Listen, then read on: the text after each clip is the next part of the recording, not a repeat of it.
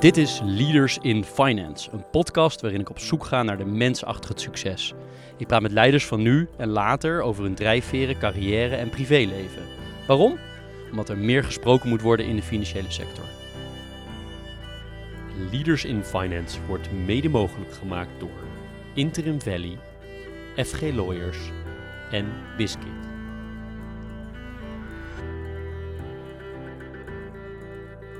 Welkom bij een nieuwe aflevering van Leaders in Finance. Voordat ik mijn gast van vandaag welkom heet en introduceer, wil ik u, jij, de luisteraar, op wijzen dat er over iedere aflevering van Leaders in Finance meer informatie te vinden is op leadersinfinance.nl.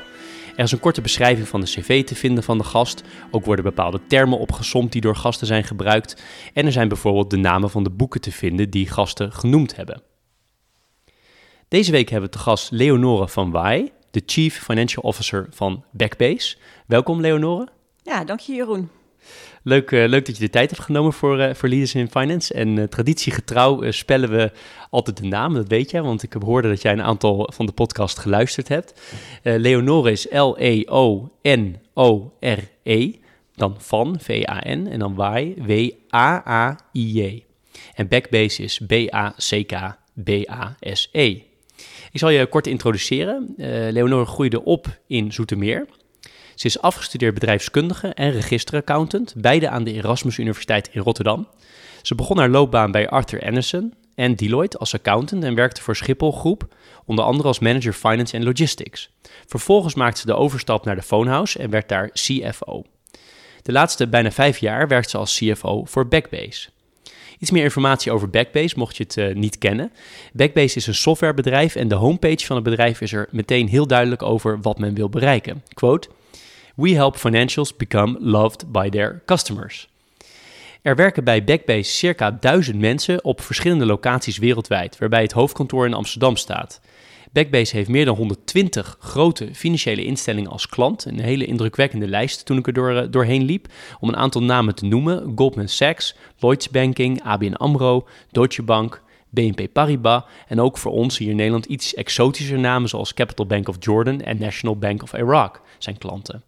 Leonore is 43 jaar oud, is getrouwd en woont met haar gezin in Soest. Nou, hele introductie uh, over jou, dan weten we al, al best wel iets. Waar ik eigenlijk mee wilde beginnen is, kan jij uh, kort nog wat andere dingen noemen over Backbase? Van waar zitten jullie precies? Ik heb al gezegd hoeveel mensen er, uh, er werken, maar in wat voor onderdelen werken. Misschien kan je nog kort dat introduceren. Oké. Kort gezegd komt ons businessmodel neer op het verkopen van licenties. Dat doen wij als meerjarige contracten aan onze klanten. En daarmee bouwden wij eigenlijk een klantenportfolio op uh, waarin steeds meer waarde zit voor heel veel jaren. En dat geeft ons ook eigenlijk de mogelijkheid om uh, al die gelden te gebruiken voor onze verdere groei. Ja, Backbase is dus echt een softwarebedrijf. Dus uh, onze core is echt alles met betrekking tot research en development. Dus meer dan de helft van onze mensen zijn eigenlijk daarmee bezig. Um, dat doen we voor een groot deel hier vanuit Amsterdam, maar ook een groot development center in Cardiff. Um, en wij maken gebruik van nearshore partners in Oost-Europa. Um, al die teams die werken uh, wat wij noemen agile. Dus uh, wij hebben kleine squads waarin uh, iedere team werkt aan bepaalde functionaliteit of bepaalde technologie. Um, wat wij doen is, uh, wij creëren uh, een platform waarmee onze uh, klanten, dus de banken, eigenlijk hun klanten weer digitaal zo goed mogelijk kunnen bedienen. Dus het digitaal bankieren. ons platform ligt eigenlijk bovenop de core systemen van de banken. Um, waardoor wij via alle kanalen van de banken de klanten kunnen bedienen in eigenlijk de hele levenscyclus. Dus Zowel uh, het openen van een bankrekening uh, tot aan het uh, afsluiten van financiële producten. Dat is mooi. En gezien het feit dat er heel veel tech-mensen werken, kan ik me zo voorstellen, de core software is. Um, is dat, zijn dat mensen van over de hele wereld? Of zijn het toch ook heel veel Nederlanders? Nee, we hebben denk ik uh, meer dan 65 nationaliteiten die bij ons werken. Uh, er zijn mensen die hier naar Nederland toe verhuizen om bij ons in Amsterdam te komen werken. Maar uh, ook in onze andere kantoren. Ehm, dus het is een heel internationaal scala. Dus naast onze twaalf vestigingen die we echt zelf hebben, hebben we ook mensen op andere constructies die op andere werelddelen voor ons werken. Bijvoorbeeld in Australië, India, ja, verzin het maar. Dus het is een hele internationale populatie. En dat maakt denk ik ook ja, heel anders dan een traditioneel Nederlands bedrijf. Dus neem aan dat het alleen maar Engels gesproken wordt. Ja. Ja, we hebben natuurlijk wel ook Nederlanders die af en toe uh, Nederlands uh, tussendoor praten. Maar uh, de voertaal is absoluut in alles Engels. En je zegt we hebben 65 nationaliteiten. Hoe zorg je dan dat je die cultuur die je in eerste instantie hebt van een, van een klein, relatief klein bedrijf en nu geskild naar veel groter, hoe je die vasthoudt, maar ook hoe je zorgt dat er één cultuur ontstaat met zoveel verschillende subculturen? Ik denk in onze cultuur is het woord uh, lean heel erg belangrijk. En wij hebben echt gekeken in onze uh, waarden die we hebben gemaakt, hoe wij daar uh, invulling aan geven. vakmanschap is voor ons heel belangrijk, want wij hebben engineers en die willen echt heel graag trots zijn op het product wat ze maken. Um, en ook ondernemerschap is heel erg belangrijk. Wij willen dat mensen een, een, drive hebben en een bepaalde oplossingsgerichtheid om dingen echt voor elkaar te krijgen. Wij noemen dat ook de can-do mentaliteit. Um, en um, een van onze waarden is ook together. Dus we doen het ook in kleine teams, waarin je natuurlijk een inhoudelijke verantwoordelijkheid hebt voor elkaar, maar ook uh, om voor elkaar uh, te zorgen als, als team. Ik denk dat wij uh, de agile manier of werken hebben gekozen om eigenlijk dat klein vast te houden, terwijl je heel erg groeit. Um, en ook de sociale uh, factor is voor ons heel belangrijk. Dus hoe zorg je dat het één groep blijft, ondanks dat natuurlijk er uh, kleine hubs zijn die uh, per stuk allemaal weer heel erg verschillend zijn. Ja, om te zorgen dat het één sociale groep blijft, hebben we ook een internal comms afdeling die enerzijds kijkt naar gewoon wat is de algemene informatie, maar ook wij verzorgen townhalls waarin wij ook een fun elementen heel erg belangrijk vinden. Misschien één um, Eén ding wat daar nog interessant bij is, is dat je bent nu ook allemaal mensen aan het onboorden in coronatijd. Ik kan voorstellen dat het dan nog moeilijker wordt om het vast te houden. Klopt. Uh, wij hebben heel veel mensen onboord, uh, zo'n 30 per maand. Uh, die nu vanuit huis naar een scherm zitten te kijken om te begrijpen wat Backbase is, zowel productinhoudelijk als ook de culturele kant. Dat is heel moeilijk. ik geloof wel dat we daar goed in slagen, omdat mensen uh, met die groep onboarders uh, één groep worden. Naast dat ze natuurlijk ook uh, worden onboard in hun eigen hub met het lokale management. En ja, ook via virtuele teams kan je wel zorgen dat je daar uh, de juiste sfeer weet te creëren. En jullie zijn ongelooflijk hard gegroeid. Um, hoe verklaar je dat? Ik denk dat de propositie in de markt heel goed gekozen is op het juiste moment. Als ik terugkijk in de geschiedenis van uh, Backbase, uh, is Backbase begonnen eigenlijk als een platform voor uh, diverse ondernemingen. Dus het was een multipurpose. We hadden zelfs een gemeente als klant.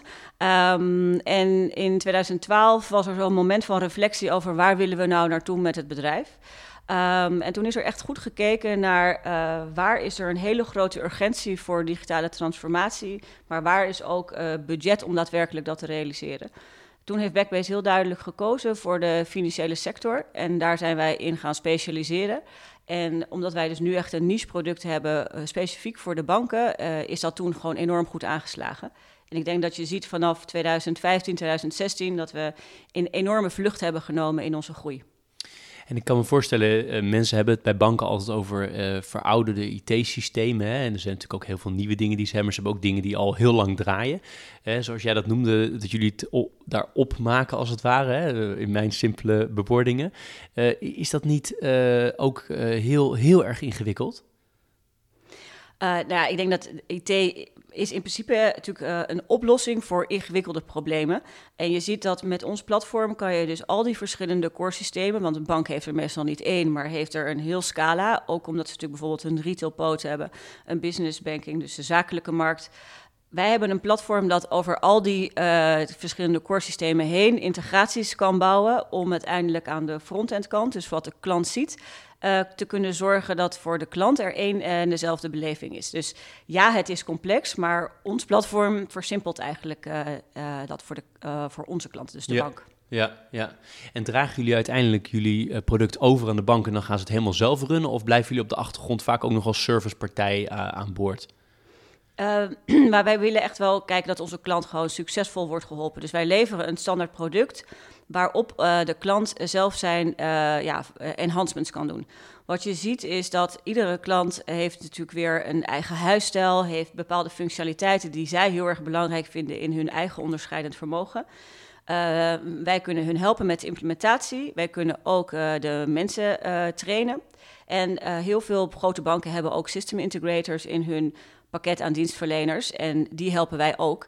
En wij proberen gedurende die hele periode uh, er te zijn, zodat uh, uiteindelijk de klant natuurlijk bij ons wil blijven voor de langere termijn. Want zo'n investering is een heel groot budget ook voor de bank.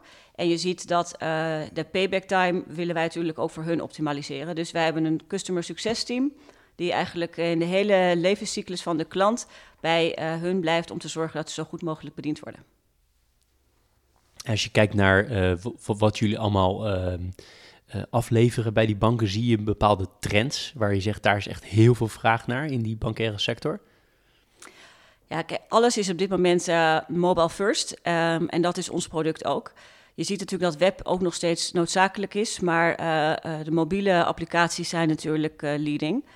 Daarnaast uh, leveren wij ook uh, wat wij noemen digital sales. Dus dat zijn allerlei traditionele processen die vroeger via een formulier gingen, maar die je natuurlijk nu wil uh, digitaliseren.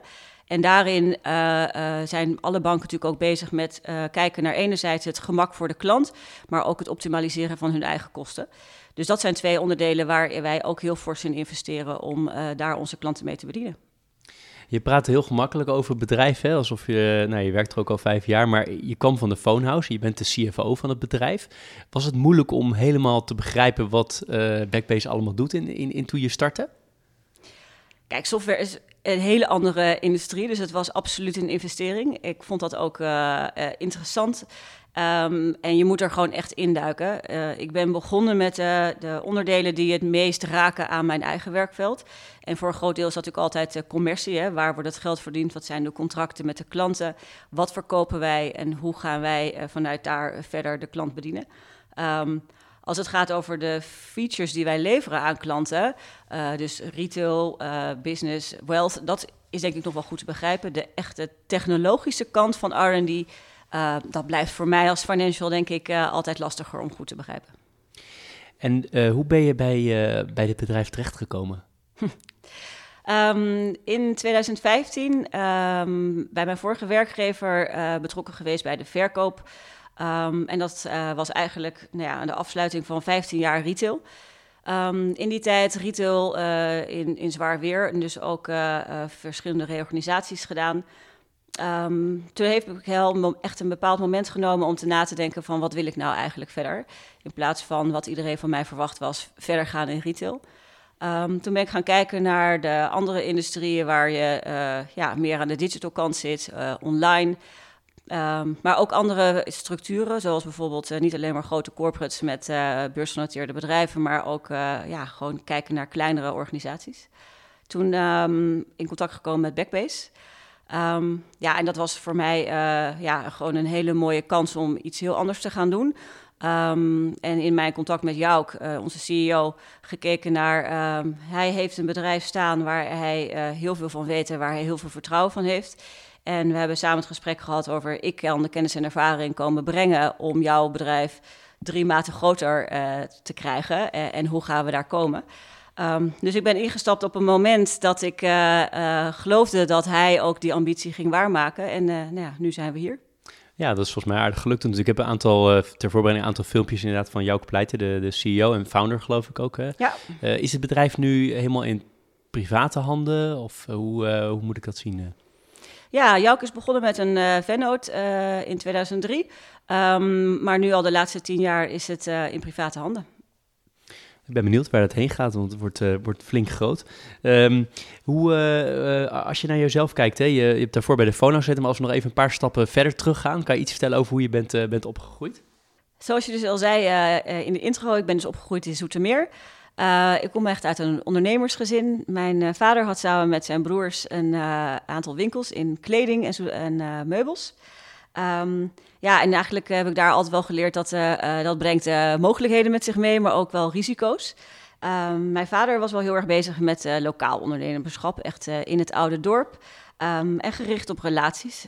Um, en ook altijd wel ingezet voor diverse clubs, zoals het Winkeliersbelang. Mijn moeder had zelf minder kansen gekregen om te studeren vroeger, terwijl zij ontzettend intelligente vrouw is. En zij wilde dat absoluut wel voor haar drie dochters. Um, want je, zij vindt dat je altijd echt de kwaliteiten moet inzetten die je hebt meegekregen. Um, ik ben een middelste kind, dus ik heb een beetje last van uh, het complex van een uh, wat dominantere oudere zus, maar ook een jonger zusje. En dat heeft mij altijd wel een soort van bewijsdrang losgemaakt. En dat heeft zich vooral denk ik geuit op school, dat ik wel de beste wilde zijn in dingen.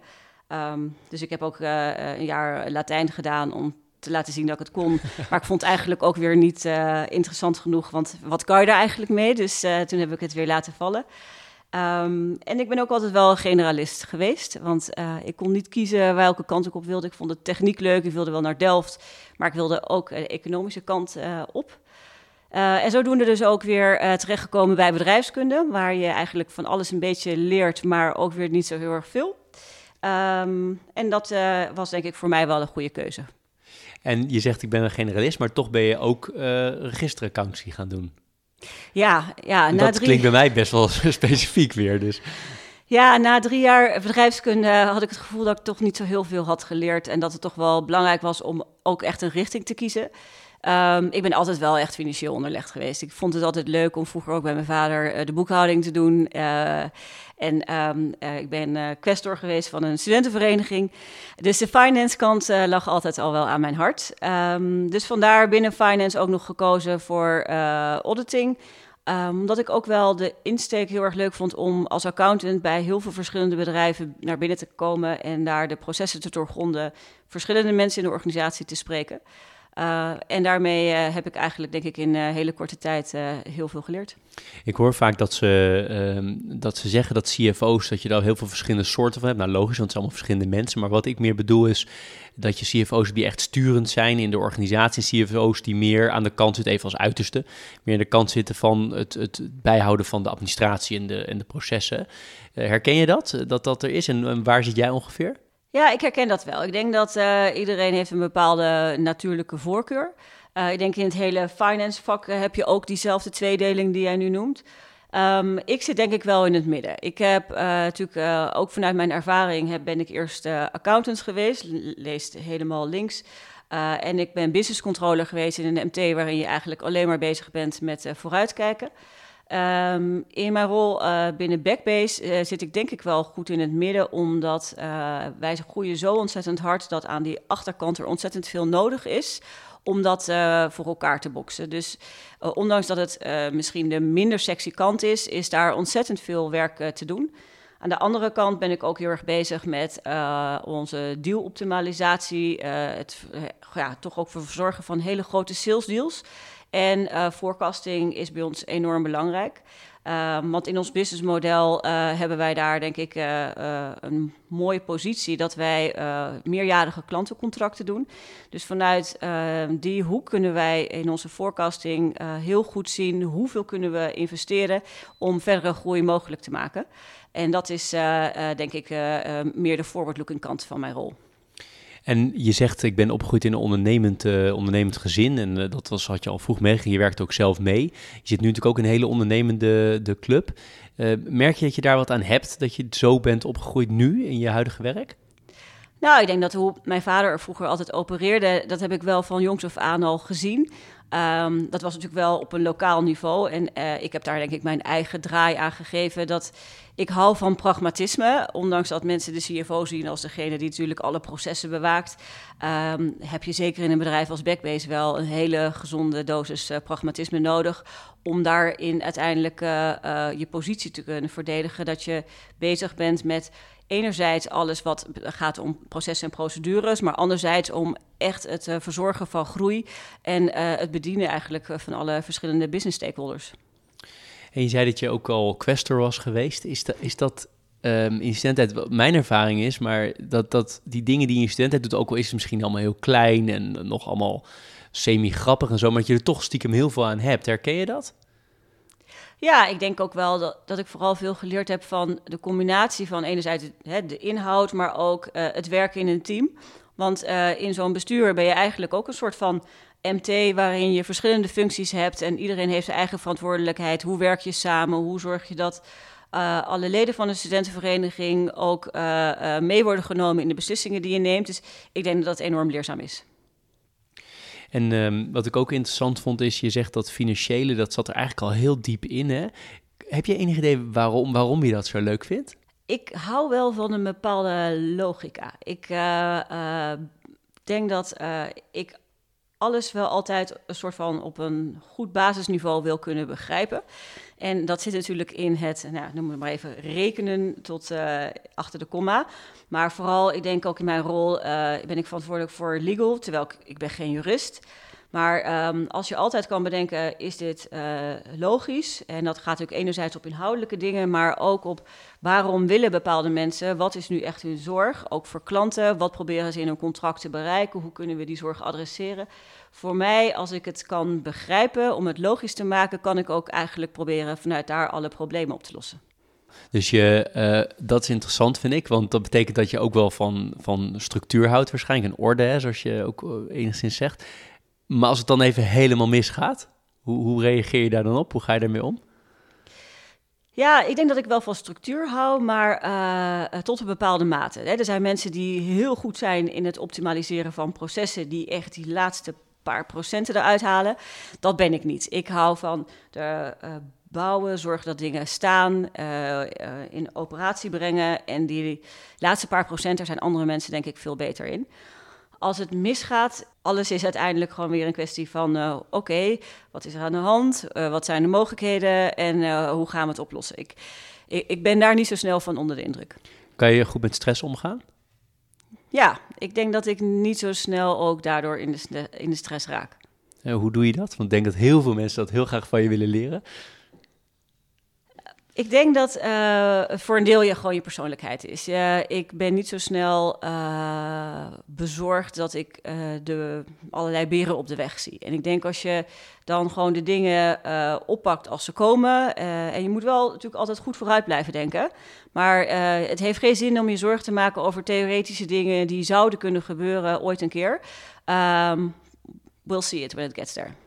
Dus dat zou ook een tip zijn voor mensen als je in een uh, stressvolle situatie bent. Uh, ga niet wel vooruitdenken, maar niet te ver.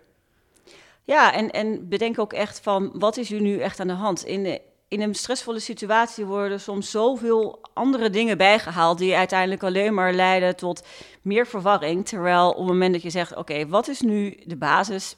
wat is het echte probleem? En hoe gaan we hier, uh, wat zijn de opties? Dan denk ik dat de paniek meestal uh, voor een heel groot deel al wegvloeit. Zijn er bij jou bepaalde mensen geweest in jouw loopbaan tot nu toe, of misschien zelfs al in je studententijd, die heel veel impact op jou hebben gehad? Dat je echt zegt, daar heb ik heel veel van geleerd.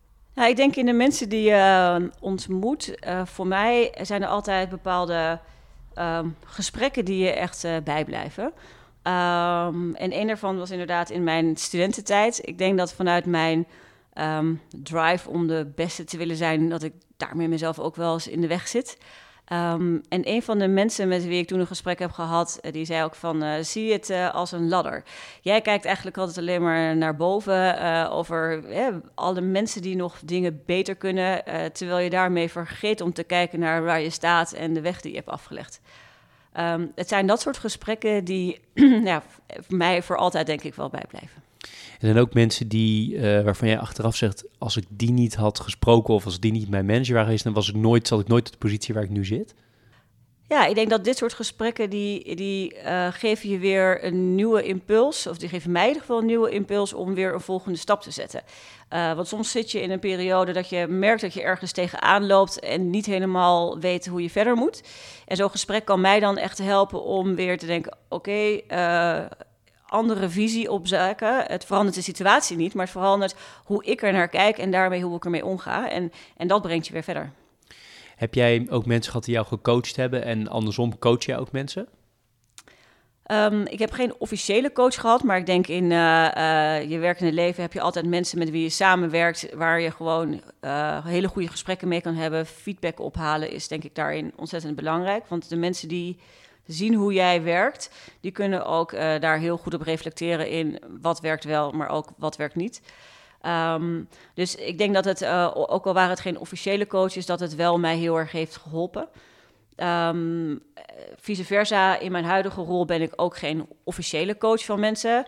Maar uh, ik probeer wel altijd te kijken van hoe kan ik jou helpen in jouw eigen rol? Wat zijn de dingen die voor jou werken en um, waar zie ik dat je tegenaan loopt? Um, en daarnaast binnen Backbase merk ik dat gewoon mensen ook mij wel gebruiken als een soort van vertrouwenspersoon. Als ze tegen dingen aanlopen in de organisatie waar ze of bij hun eigen manager uh, niet goed bij uit de voeten kunnen, of dat ze gewoon willen dat ik het weet. Um, en dat maakt voor mij dat ik daarmee dan hun kan helpen, maar ook kan kijken hoe ik de situatie die daar is ontstaan op een bepaalde manier uh, bij de juiste mensen uh, op de radar krijg en daarmee uiteindelijk het ook weer tot een oplossing kan leiden. En je hebt nu al heel lang stuur je mensen aan in teams. Hoe uh, motiveer je ze? Um, ik denk dat in mijn. Uh, wat voor mij heel goed werkt, is uh, dat mensen uh, specialisten zijn op hun vakgebied. Um, want ik ben de generalist, dus de mensen in mijn teams die zijn vooral heel goed in hun eigen area. En daar voel ik me niet door bedreigd. Ik wil heel graag met hun samenwerken om hun verder te helpen in hun eigen groei. Um, ik ben degene die met kritische vragen uh, nieuwe inzichten kan uh, brengen. Um, en uiteindelijk ook altijd kijken naar hoe we uh, samen dit bij de business goed kunnen laten landen. Want al mijn team zit natuurlijk aan wat wij noemen de business support kant. Um, dus de continue relatie leggen tussen het werk wat wij doen en de toegevoegde waarde voor de business. Ik denk dat ik daar um, heel erg goed in kan bijdragen. Hey, je noemde wel even hè, dat feedback heel belangrijk is voor je, dat je dat ook ophaalt bij mensen, waarschijnlijk over je eigen functioneel of over je team of over bedrijf. Um, maar ik vind het altijd heel mooi, hè, feedback. Ik denk ook dat het cruciaal is, maar de, de hoe-vraag, hoe doe je nou op een goede manier dat feedback niet leidt tot uh, dat mensen nou, of helemaal naast de schoenen gaan lopen, als het hele, uh, hele positieve vond. Hè. Feedback is of mensen aan de andere kant helemaal te neergeslagen zijn van, ja, weet je, ik doe het niet goed. Hoe zorg jij dat jij op een goede, constructieve manier feedback uh, geeft en ook krijgt? Uh, bij Backbase hebben we een model nu waarin je ieder kwartaal uh, feedback uh, kan geven. Uh, enerzijds peer-to-peer, -peer, maar ook gewoon vanuit de manager. En omdat het heel periodiek is, maakt het ook dat het niet een zwaarwegend moment is, wat ook één op één gekoppeld is met nou, bijvoorbeeld salarisverhoging. Ik denk dat dat het mogelijk maakt om veel meer open feedback te geven. Daarnaast zijn we ook bezig met uh, 360 uh, feedback, waar je echt vanuit verschillende uh, invalshoeken kijkt en de mensen dus ook daar veel meer allround vanuit verschillende oogpunten hele waardevolle inzichten krijgen. En ik denk dat het belangrijkste is dat er uiteindelijk vooral een goed gesprek over plaatsvindt. Want um, wat je opschrijft uh, heeft natuurlijk de kleur nodig over uh, wat uh, is er gezien en hoe zorg je dat het op een manier wordt vertaald dat iedereen er ook echt wat mee kan. En dat je ook gewoon een half jaar later erop terug kan komen om te kijken van dit hebben we toen met elkaar besproken en wat heb je vanuit hier geleerd en waar wil je nog verder aan werken. Kan je er zelf goed mee omgaan als je feedback krijgt? Als persoon vind ik het wel lastig. Ik uh, uh, denk dat uh, vanuit mijn ambitie om hè, het goed te willen doen, eh, dat ik altijd daar wel heel bewust open voor moet staan, omdat het toch wel voor een stukje persoonlijk voelt. Terwijl ik weet dat je het nodig hebt om uiteindelijk te kunnen verbeteren. Ik denk dat ehm, ik op die manier, het is ook hoe goed in een gesprek je daar respectvol met elkaar over kan praten. Als we het over motivatie hebben. Um, ik, ik zeg maar wat, jij rijdt ochtends weg naar je werk. Wat zijn de dingen die jij um, in je hoofd hebt van daar je echt het meest door gemotiveerd wordt in, in je werk? Op, op dagbasis, maar ook misschien op wat grotere, op wat langere termijn. Wat, wat zijn de zaken die jou, die jou drijven daarin? Ik denk de toegevoegde waarde die ik en uiteindelijk uh, met alle teams uh, kan leveren om echt die groei voor Backbase te realiseren. Dat uh, is denk ik een enorme drijfveer. Je ziet dat het bedrijf ja, drie, vier keer over de kop is gegaan qua groei in de afgelopen vier jaar. En om daaraan mee te werken en bij te dragen en ook echt te denken dat we samen de juiste keuzes maken om dat op een goede gebalanceerde manier te doen. Dat is gewoon heel erg gaaf om aan mee te werken. Ik had het met heel veel afleveringen geleden met N26 over het begrip hypergrowth. Nou, jullie komen volgens mij best wel in de buurt bij dat enorm harde groeien. je refereerde eigenlijk net ook al aan, maar hoe zorg je er nou dat je wel heel hard blijft groeien, maar dingen niet breekt? is een onderwerp wat heel vaak terugkomt. En, en het is natuurlijk een hele algemene vraag. Maar ik ben er wel nieuwsgierig naar of je een paar pointers hebt van hoe je voorkomt dat, je, mm, ja, dat die groei ten koste gaat van dingen die uit, op de lange termijn misschien weer de groei tegenzitten. Uh, wij bekijken dat eigenlijk vanuit uh, twee invalshoeken. Enerzijds heb je de, de, processen en de tools die je nodig hebt om schaling mogelijk te maken. Ik denk dat wij een aantal jaar geleden heel erg hebben ingezet op uh, self-service tools, echt dingen die uh, mogelijk zijn dat mensen heel veel uh, zelf organiseren. Um, en ook dat het heel erg lean blijft. Kijk, het woord bureaucratie is bij ons eigenlijk verboden. terwijl je wel structuur nodig hebt om die opschaling mogelijk te maken. Dus vanuit die hoek moet je vooral zorgen dat mensen heel erg geholpen worden in hun dagelijks werk en niet belemmerd worden door allerlei procesjes. Denk aan de menskant uh, dat het heel erg belangrijk is dat wij uh, ook uh, de, dat het decentraal blijft voelen. We zijn wel heel groot, maar mensen zijn onderdeel van wat wij noemen een hub. En in dat hub heb je lokaal leiderschap die verantwoordelijk is voor enerzijds de uitvoering van het werk, maar ook dat mensen zich onderdeel voelen van een geheel. Sense of belonging is enorm belangrijk. een stukje van de lokale cultuur in het grotere geheel. En um, als je dat op hubniveau goed hebt draaien, dan is het uh, organiseren van een nieuwe hub naast de bestaande hubs iets wat je kan schalen zonder dat het andere mensen impact. Klinkt als van, gedachtegoed van Eckhart Winsen, dat je steeds weer een soort celdeling hebt. Maar um, hoeveel verantwoordelijkheid of hoeveel eigen beslissingen mogen die hubs dan ook echt nemen? Uh, wij zijn georganiseerd op het niveau dat die uh, hubs verantwoordelijkheid hebben uh, voor hun eigen organisatie als het gaat over de activiteiten. Um, de ondersteuning zit wel echt op centraal niveau. Dus wij zijn echt georganiseerd hier vanuit Amsterdam.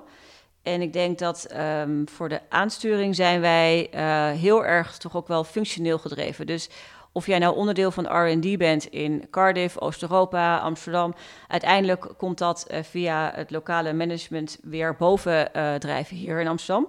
En hier worden ook wel de grotere lijnen uitgezet en gezorgd dat wij uh, iedereen goed kunnen informeren. Enerzijds met stand-ups en townhalls om te zorgen dat iedereen weet wat is de strategie en, en ook wat is mijn bijdrage daaraan.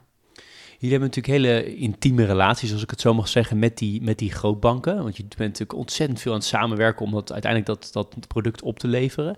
Um, krijgen jullie dan niet ook soms verzoeken om hele andere dingen te doen in die organisatie? Misschien wel tech gedreven, maar echt heel anders dan wat jullie normaal doen?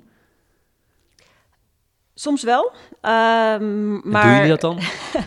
nou, kijk, het is soms natuurlijk voelt het heel interessant om, om daarin mee te gaan. Uh, dan is de vraag: uh, is het iets wat echt past bij de strategie van Backbase? Is het onderdeel van uh, ons eigen palet aan kwaliteiten? Want als je iets gaat doen wat niet bij je past, waar je ook niet succesvol in gaat zijn, dan moet je daar niet naartoe bewegen.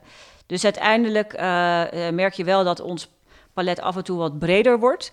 Maar wij zijn wel echt gefocust op uh, financiële instellingen en echt de, de softwarekant daarvan. En uh, de vraag die soms gaat over meer management consulting, over hoe moet ik mijn digitale um, uh, journey verder, of uh, digitale reis verder gaan indelen als het gaat over de organisatie. Organisatieadvies is niet ons ding, dus daar blijven we dan ook van weg. Ik heb uh, altijd een teaser en een pleaser, zoals je, zoals je weet. Ik zei al in introductie dat je wat gehoord had van Leaders in Finance.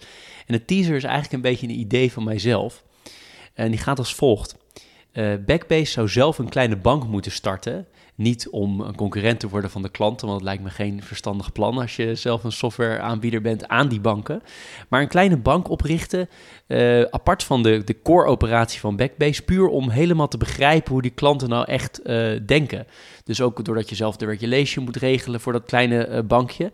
Een soort voorbeeldbank om, om, de, om helemaal in die huid van die, van die klant te, te, te, te, gaan zitten of te, te snappen wat hij wil, hij of zij wil. Maar ook wel stiekem, misschien loopt het wel zo goed. Want let's face it, uiteindelijk is banking ook gewoon tech geworden in, heel grote, in hele grote uh, opzichten, wat mij betreft. Dus uh, wat vind je ervan? Zou dat een goed idee zijn? Leuke vraag. Ehm, ik denk dat wij, uh, wij hebben een missie om eigenlijk 10% van de wereldbevolking op een Backbase Powered app te krijgen. en dat doen we dan via onze klanten, de banken. Um, wij hebben wel een mechanisme op zijn plek om vooral heel veel feedback op te halen bij onze huidige klanten, zodat wij uiteindelijk beter kunnen innoveren. Wij doen dat enerzijds vanuit de sales cycle, waarin we horen wat de behoefte is van de klant. Anderzijds via, via onze implementaties, waarin wij ontzettend veel leren over de domeinexpertise van de relevante banken. Um, en daarnaast heb je natuurlijk ook nog allerlei market research partijen zoals Gartner, die ook heel erg kijken naar wat er allemaal voor ontwikkelingen zijn. Ik denk dat de, de feedback die wij daar ophalen voor ons relevant genoeg is om ons product continu te blijven innoveren. En daarnaast denk ik dat wij uh, ook juist de kleinere banken helpen die die kennis zelf uh, uh, niet hebben, door te laten zien wat er op een breder scala allemaal mogelijk is. Dus ik denk niet dat wij zelf bankje hoeven te spelen om, om daar nog in te kunnen verbeteren. Het is best moeilijk om te blijven innoveren als je groter wordt. Ook op basis van mijn eigen ervaring. Elke paar honderd man erbij. En hoe je het went of verkeerd, jullie hebben een hekel aan het woord bureaucratie, zei je eerder, wat ik snap. Maar het wordt toch moeilijker. Als je kleiner bent, kan je makkelijker innoveren. Dus wat doe je nou om toch innovatief te blijven? Even als follow-up. Ik denk dat wij uh, echt heel goed luisteren naar onze klanten. En uh, de klant in Azië is een andere klant dan de klant in Amerika. Dus je moet daar ook nog in regionaal differentiëren. Um, ik denk dat wij daarbij um, kijken van wat is uh, uh, de innovatie die wij heel breed kunnen inzetten, dan wel echt market specifiek. Want een klant, wat wij noemen een tier 1 bank, heeft een heel ander demand dan een klant in tier 2 of 3. Dus ik denk dat wij dat nu op een manier georganiseerd hebben dat wij zelf wel heel goed kunnen achterhalen wat de behoefte is. En vanuit daar um, ja, continu uh, dat blijven doorontwikkelen.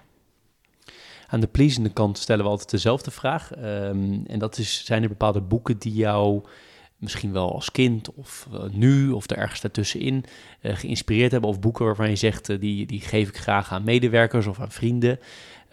kortom, boeken die jij leuk vindt om te delen hier. Ik heb vroeger heel veel gelezen en de laatste jaren wat minder tijd voor gemaakt, denk ik. Um, vroeger was ik vooral geïnteresseerd in boeken waarin er een ander soort samenleving werd voorgesteld. Uh, had boeken van Tonke Dracht met uh, Ogen van Tijgers. En ja, dat zijn wel dingen die mij altijd heel erg pakten over nadenken over hoe het ook anders zou kunnen. Um, in mijn studententijd, en dat is denk ik het boek wat mij het meest bijgebleven um, is Ontdekking van de Hemel van Harry Mulisch hele dikke pul. Um, maar uh, heel bijzonder als het gaat over de gesprekken die de twee hoofdpersonen hebben in, in allerlei hele diverse onderwerpen. Als het gaat ook over theologie en filosofie. Um, ja, dat is denk ik als je mij vraagt het mooiste boek wat bij mij op nummer 1 staat. Denk in de afgelopen jaren, wat heel erg past bij Backbase, is het boek The Lean Startup van Eric Ries dat gaat echt heel erg over hoe zorg je dat je klein begint, een minimum viable product, agile way of working. En dat is natuurlijk ook wat wij bij Backbase hier continu doen. Um, dus dat is wel, denk ik, uh, heel erg passend voor uh, waar ik nu werk. Is dat ook een boek wat je dan, uh, wat ook bij jullie daar op kantoor, tenminste pre-corona, iedereen kon pakken en dat je ook echt daar veel aan teams geeft, dat het Eric Ries boek? Ja, ja, dat hebben we veel gedeeld. En zelfs ook binnen het MT hebben we daar een keer een middag bij stilgestaan over welke elementen daarvan kunnen wij toepassen op Backbase. En op basis daarvan keuzes gemaakt om bepaalde uh, bedrijfsonderdelen weer net anders te organiseren. Om eigenlijk die uh, kleine units met een eigen verantwoordelijkheid. En dus ook die zelf gaan kijken van welk deel van mijn product uh, leidt tot een succesvol klantimplementatie. Om dat zo goed mogelijk te organiseren.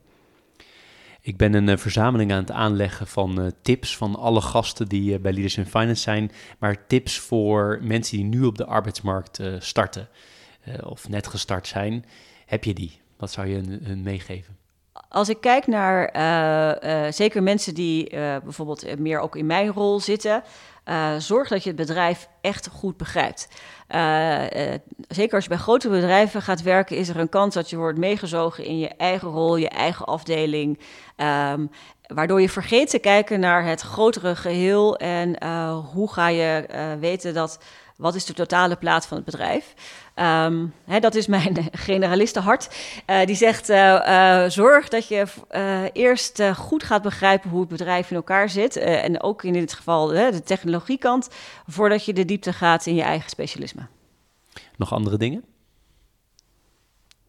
Uh, bouw een netwerk. Ik denk dat uh, uh, werken is inhoudelijk natuurlijk heel belangrijk, maar ik denk dat ook de menselijke kant enorm leuk is. En dat kan je heel erg veel brengen.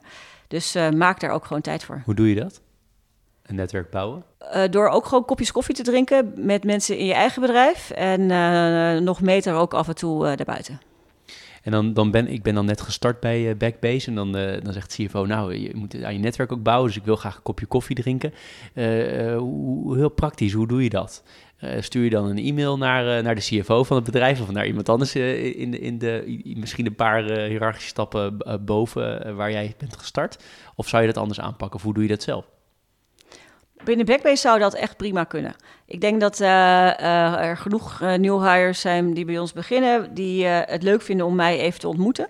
En dan is het heel vaak natuurlijk een virtueel kopje koffie, want die mensen zitten niet allemaal in Amsterdam. Maar ik vind het heel leuk om mensen, al is het maar kort, te leren kennen, om daarna gewoon, als je elkaar inhoudelijk treft, dat je eigenlijk elkaar al kent en weet, weet wat je elkaar aan elkaar hebt. Je bent nog uh, heel jong voor, wat mij betreft, voor iemand die al CFO is van, van uh, zo'n bedrijf. Um, klinkt alsof er op termijn dat ook wel leuk zou zijn om een keer eindverantwoordelijk te zijn en CEO te worden van een bedrijf over vijf jaar, ik noem maar wat. Laten we niet te, kort zeggen, dan denken mensen dat je, dat je weggaat en dat is niet het geval volgens mij. Uh, is, zou dat niet een mooie stap zijn ooit? Goeie vraag. Um, ik vind wel eigenlijk mijn rol heel erg leuk die ik nu heb. En uh, als ik het uh, ook zie in combinatie met een CEO, denk ik dat uh, ik enorm complementair kan zijn aan een CEO.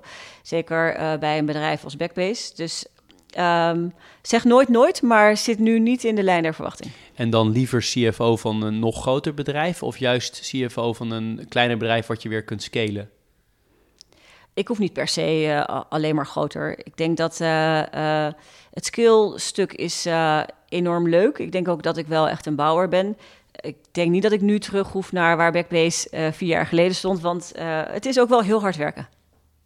Nou, dat is een perfecte brug naar, uh, naar het laatste stukje, wat altijd gaat over het combineren van hard werken met een privéleven. Hoe heb je dat gemanaged en hoe manage je dat? Ik denk dat uh, voor, wat voor mij goed werkt, is dat je samen thuis uh, uh, weet hoe je het samen gaat regelen en wat je aan elkaar hebt. Ik denk dat mijn man en ik daar een hele mooie verdeling in hebben. Dat we proberen allebei er veel te zijn voor de kinderen. En op de momenten dat bijvoorbeeld ook de kinderen in bed liggen, kan je natuurlijk prima nog de laptop pakken en dingen doen.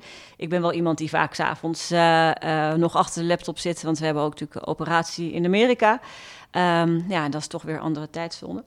Um, maar ik denk dat uh, uh, je moet het wel uh, goed regelen. Dus bijvoorbeeld oppas aan huis om te zorgen dat je de dingen kan flexibiliseren als het nodig is. En ik heb ook geluk gehad bijvoorbeeld met mijn schoonouders in de buurt die ook veel hebben gedaan. Maar je moet wel dat goed organiseren voor jezelf. En met de hoeveelheid uren die je maakt, hoe, hoe, zorg je dat je fit blijft? zowel mentaal als ook fysiek? Ik denk dat uh, ik aan het fysieke deel uh, nog wel wat zou kunnen verbeteren. Um, ik ben niet echt een enorme sporter meer, heb ook last van mijn knie. Maar bijvoorbeeld wandelen is, iets wat denk ik mij ook heel erg helpt in gewoon het hebben van goede en leuke gesprekken. Maar ook af en toe dan in één keer hele nieuwe ideeën die dan omhoog poppen. Um, en ik denk, omdat ik inderdaad niet een stressgevoelig persoon ben, uh, kan ik dit denk ik uh, uh, op een manier doen die voor mij gewoon nog steeds prima in balans is. Dus wandelen is voor fysiek en, en voor mentaal waarschijnlijk. Zijn er nog andere dingen om ook mentaal fit te blijven, om je even helemaal uit de werksfeer te krijgen? Ik denk dat ik vrij snel uit de werksfeer kan zijn. Ik kan een mail lezen en een minuut later ook weer daaruit zijn. Ehm, dus voor mij is het niet zo'n probleem. Dat is mooi. Ik denk dat veel mensen dat zouden, zouden willen hebben. Voordat ik jou ga bedanken uh, voor dit leuke gesprek, uh, uh, vraag ik altijd of er nog iets is waarvan jij zegt, Jeroen, ik vind het jammer dat je het niet hebt gevraagd. Of iets waarvan je zegt, dat had ik ook nog graag willen delen. Nou, ik denk dat er over Backbase en over wat ik doe nog zoveel meer te vertellen is. Maar uh, uiteindelijk is het natuurlijk uh, maar een, een, een, korte interview. Dus nee, ik denk dat we heel veel hebben geraakt over wie ik ben en mijn drijfveren. En dat vind ik eigenlijk heel erg leuk. Ik vond het ook hartstikke leuk. Um, ik wil je heel hartelijk bedanken voor, de, voor je tijd en voor de, voor, de interessante dingen die je hebt gedeeld. Ik denk dat voor heel veel mensen het ook heel uh, boeiend is om te horen hoe jij hier terecht bent gekomen en wat je doet. En ook wat te horen over Backbase uh, als, uh, als snel groeiend, groeiend bedrijf als, als dienstverlener aan die financiële sector. waarvoor heel veel dank. Met, ook met dank aan Bloemon krijg je zo meteen, ligt hier voor ons, kunnen luisteraars niet zien, maar een, een bloemencadeautje op, in bonvorm van, van Bloemon. Um, en nogmaals veel dank voor je tijd. Dankjewel, heel leuk Jeroen. Dit was Leaders in Finance. Elke week weer een nieuwe aflevering, elke week weer een mens achter het succes. Ik vind het belangrijk om te zeggen, deze podcast zou er niet zijn zonder onze partners Interim Valley, FG Lawyers en Biscuit.